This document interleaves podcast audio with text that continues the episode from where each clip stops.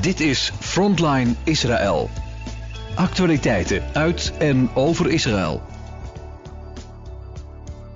Luisteraars, van harte welkom weer opnieuw bij een nieuwe aflevering van eh, Frontline Israël. En vandaag ben ik in gesprek en ga ik in gesprek met Harold van Ouwekerk. Harold woont in Israël, maar deze keer uh, een heel ander gesprek, want Harold was niet in Israël toen uh, de oorlog uitbrak en hij kwam terug. Harold, goedemorgen. Hele goede morgen, Jack. En ook uh, goede dag aan de luisteraars. Ja. Klopt. Ja, want jij, uh, jij was voor een verjaardag en voor familiebezoek in Nederland toen alles gebeurde. En je bent nu, hoeveel dagen ben je nu terug? Sinds uh, vrijdag. Sinds vrijdag. Dag. Ja. ja. En je had, jij kon gewoon tickets of had je al tickets geboekt? Of? Nee, om precies te zijn, we gingen dan 4 oktober voor een aantal verjaardagen. We hadden vier verjaardagen. Drie van onze familie en nog een vriend. Dus dat was in die periode tussen 17 oktober en uh, 5 oktober. En de reden dat we tussen 4 en 18 uh, er zouden zijn. Dus we waren vier vertrokken uh, met El Al. En we zouden 18 teruggaan met Transavia. Toen kregen we een bericht, ik, ik denk op 12 uh, oktober van Transavia vluchten geannuleerd. Nou, dat hadden we natuurlijk die zaterdag al wel verwacht. En El Al vliegt wel. We zijn paspoorthoudend sinds drie jaar. Dus we kunnen gewoon met Al Al vliegen. En omgeboekt wat je wil terug naar je familie. Ja. We hebben een dochter in Garish. Dat zit bij Barta tegen de gebieden, Samaria, Westbank. Want daar vind je political situation. Uh, wat is dat uh, precies wat je nu zegt? Nou, kijk. Sommigen noemen het bezette gebieden. Okay. Sommigen bevrede gebieden. Sommigen noemen het Judea Samaria. Sommigen noemen het de Westbank. Uh, daar zitten ze tegenaan. Ze okay. zitten aan de Israëlische kant van. Barta. In Garish. Maar ook op die grens waren dus schoten. En er werd toen gemeld dat er een aantal terroristen het land ingekomen waren. Dus iedereen heeft een week lang daar binnenshuis uh, zonder te verroeren gezeten. Dan bleek gelukkig dat valse alarmen geweest te zijn. Maar wat helaas niet vals was, was het duivelsgeweld rondom Gaza. Ja. En dat te veel mensen kijken te veel beelden. Ik kijk geen beelden om mezelf te beschermen. Ik adviseer al mijn dierbaren om niet naar die beelden te kijken, maar wel te luisteren naar de getuigenissen van de mensen. Gewoon om onze eigen geest, een gezonde geest, te bewaren. Want hier zijn natuurlijk, net als in de Tweede Wereldoorlog, in de kampen, zijn geen gewone mensen aan de gang gegaan, maar eigenlijk demonen in een mensenlichaam. Die ja. acties hebben gedaan, alleen maar om te verdelgen, te vernietigen. Gewoon, ja, ja. demonen eigenlijk. Ja. Uh, als je daar te veel mee inlaat, word je besmet. Dus laten we het niet doen. Laten we gewoon de gospelmuziek aanlaten. Zoals gisteren een orthodoxe vriend die 10 kilometer ten noorden schreef. Hij zei: Ik was helemaal under the water. Maar toen ben ik uh, gaan prijzen. Hij is niet eens Messiaans. Hij is niet eens, gelooft niet ja. eens in Yeshua. Maar toch gezocht de God van de hemel en aarde. We gaan dansen en zingen. En ik, ik, ik kwam weer boven, kreeg weer lucht. Nou, ik zie hier om me heen dat, dat de meeste Israëli's, die zitten echt under the water. Die hebben gewoon uh, door allerlei situaties, ik ga je niet politiek uitweiden, uh, hebben het heel zwaar. Echt heel ja, zwaar. Het is apart, Harold, want ik heb juist mensen die juist zeggen dat we de, juist die beelden moeten laten tonen. En laten zien aan de mensen in de wereld van wat er voor vreedheden zijn gebeurd. Want zelfs de naties hebben sommige vreedheden niet uitgevoerd wat daar gebeurd is. Dus dat is een verschil. Dus het is wel bijzonder dat jij dat dus heel anders ziet. Ja, het doel dat die mensen dat zeggen, is om de mensen die uh, denken van ja, maar er worden ook bommen op Gaza gegooid. En die mensen die zitten er ook maar gevangen. Ja, ja, dat is waar. Kat in, het nauw maakt rare sprongen. Je kunt duizenden en één dingen op loslaten. Alleen Gaza had een Hongkong kunnen zijn. Dat is de waarheid. Mits ze de wapens hadden neergelegd en uh, waren gaan studeren en waren gaan leren, zoals de Duitsers na de oorlog. Wij hebben iets fout gedaan. Onze haat naar de Joden is fout. Laten we gewoon een land opbouwen uh, om onze mensen voeding en, en, en leven te geven. Leven. Ja. Maar Hamas kiest voor de dood.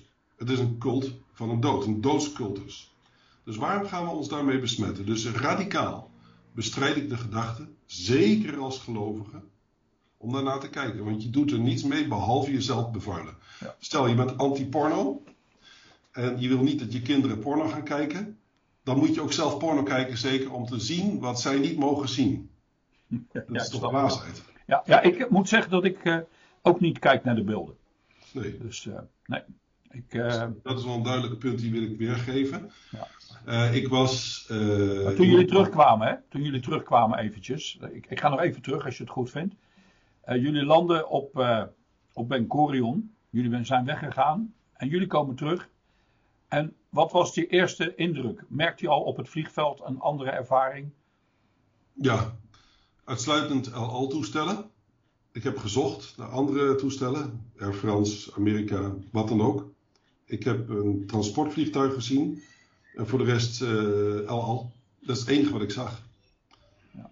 En dat maakte me ook wel wat gefrustreerd vanaf den begin al. Het was hier natuurlijk eh, eh, de vreugde der wet. Het was de laatste dag van Sukkot, Loofhuttenfeest. En dat de meeste mensen terug willen naar Veilige Haven is te begrijpen. Maar ik had het idee dat iedereen dat wou. Toen ik net aankwam vanuit Ben Gurion, dus het was inderdaad Ja. een andere sfeer, zeker. Alleen ja, op de weg, onze zoon haalde ons af. Dus we kwamen gewoon twee uur later naar landen. Gewoon thuis hier in Bad Gen, dicht bij Natanja. En dat was eh, heel blij, de buren, super blij. Dus de mensen die zijn er zegen voor om te zien dat wij in deze tijd, eh, nu afgelopen eh, vrijdag de 20ste teruggekomen zijn. Dus twee dagen later als gepland. Het was 18, Ja. was AVA 20 al al. En toen vroeg ik ook, want zij is rijdsleidster, onze buurvrouw. eh, waren er ook christenen die nog juist gebleven zijn om te bidden? En toen zei ze tot mijn grote blijdschap ja. Er waren een aantal Koreaanse gelovigen, een groep die zij aan het begeleiden was. Die zeiden unaniem, we gaan niet naar huis, maar we blijven bidden. En breng ons maar naar de, de plekken waar we dat kunnen doen. Wauw. Ja. En daar, daar hou ik van, van zulke mensen. Ja, sorry, ik ben, ik ben Ja. wat fanatiek misschien, maar Ja. eh, als wij geestelijke mensen zijn, geloven in, in, in God de schepper en, en al die dingen meer, dan, dan moeten we er ook voor gaan. En als we zeggen, we gaan eerst al bezoeken voor de cultuur, dan kan dat ook. We willen een rustige vakantie, daar heb ik ook begrip voor. Maar ik vind het wel mooi om te zien dat er ook mensen zijn die leven in geloof. Zoals deze Koreaanse broeders en zusters. Ja. Ja, grote bemoediging voor mij. Hey, en dan, eh, je bent natuurlijk zakenman. Ehm, dus dan pak je, je je werk weer op. En, en wat merk je dan? Gewoon in het dagelijks leven. Dat er eh, een kwart van het werk is van normaal. De eerste week lag bijna Israël 100% stil.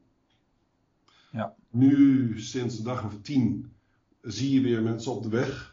Eh, in Natanja.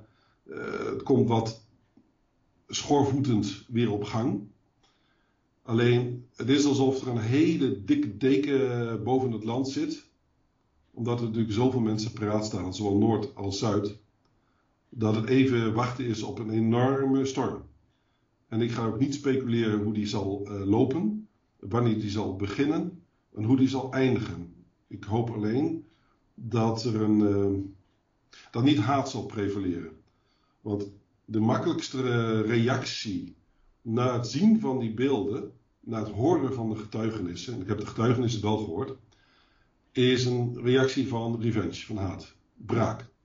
En de Heer zegt, mij komt de wraken toe. Ja. Dus het is iets te kort door de bocht om te zeggen, maak van Gaza een parkeerplaats. Bestrijding. Als christen denk ik echt fout. Maar dat is niet wat het leger wil, volgens mij. En de regering. Nee, nee. En er zijn extreme fouten gemaakt, wat de mensen hier nog meer radeloos maakt. Dat ze uren tot negen uur zelfs de tijd hebben gehad om te kunnen huishouden. En ook daar wil ik politiek nu eh, opgenomen niet eh, over spreken. Maar dat punt geeft ook voor de Israëlische bevolking eh, grote vraagtekens. En ook eh, een sterk verminderd ja, eh, veiligheidsgevoel. En merk jij in jouw gesprekken die je hebt met de mensen ook dat men meer over God spreekt? Over Gog Magog bijvoorbeeld ook. En eh, over dat, merk je een verandering in het denken bij de mensen? Ja, ja. Ja, er zijn duidelijk meer Israëli's die ik gesproken heb de afgelopen dagen. die echt hiermee bezig zijn.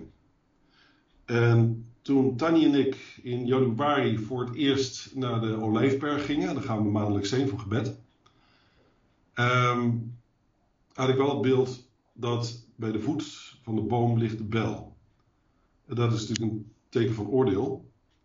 Uh, ook dit land is niet onschuldig.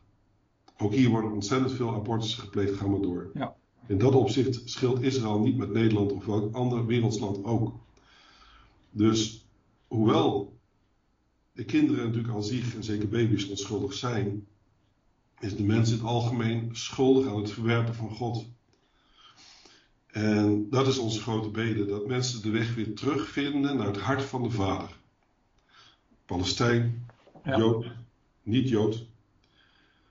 En voor ons specifiek natuurlijk ook de Joden, het volk waar wij ook zo dierbaar van houden. En dat weten de Joden. Er is zelfs een eh, niet-gelovige vriend die ook zegt: Ja, hij snapt er niks van. Waarom ga je terug naar Nederland? Want hij dacht dat ik hier was.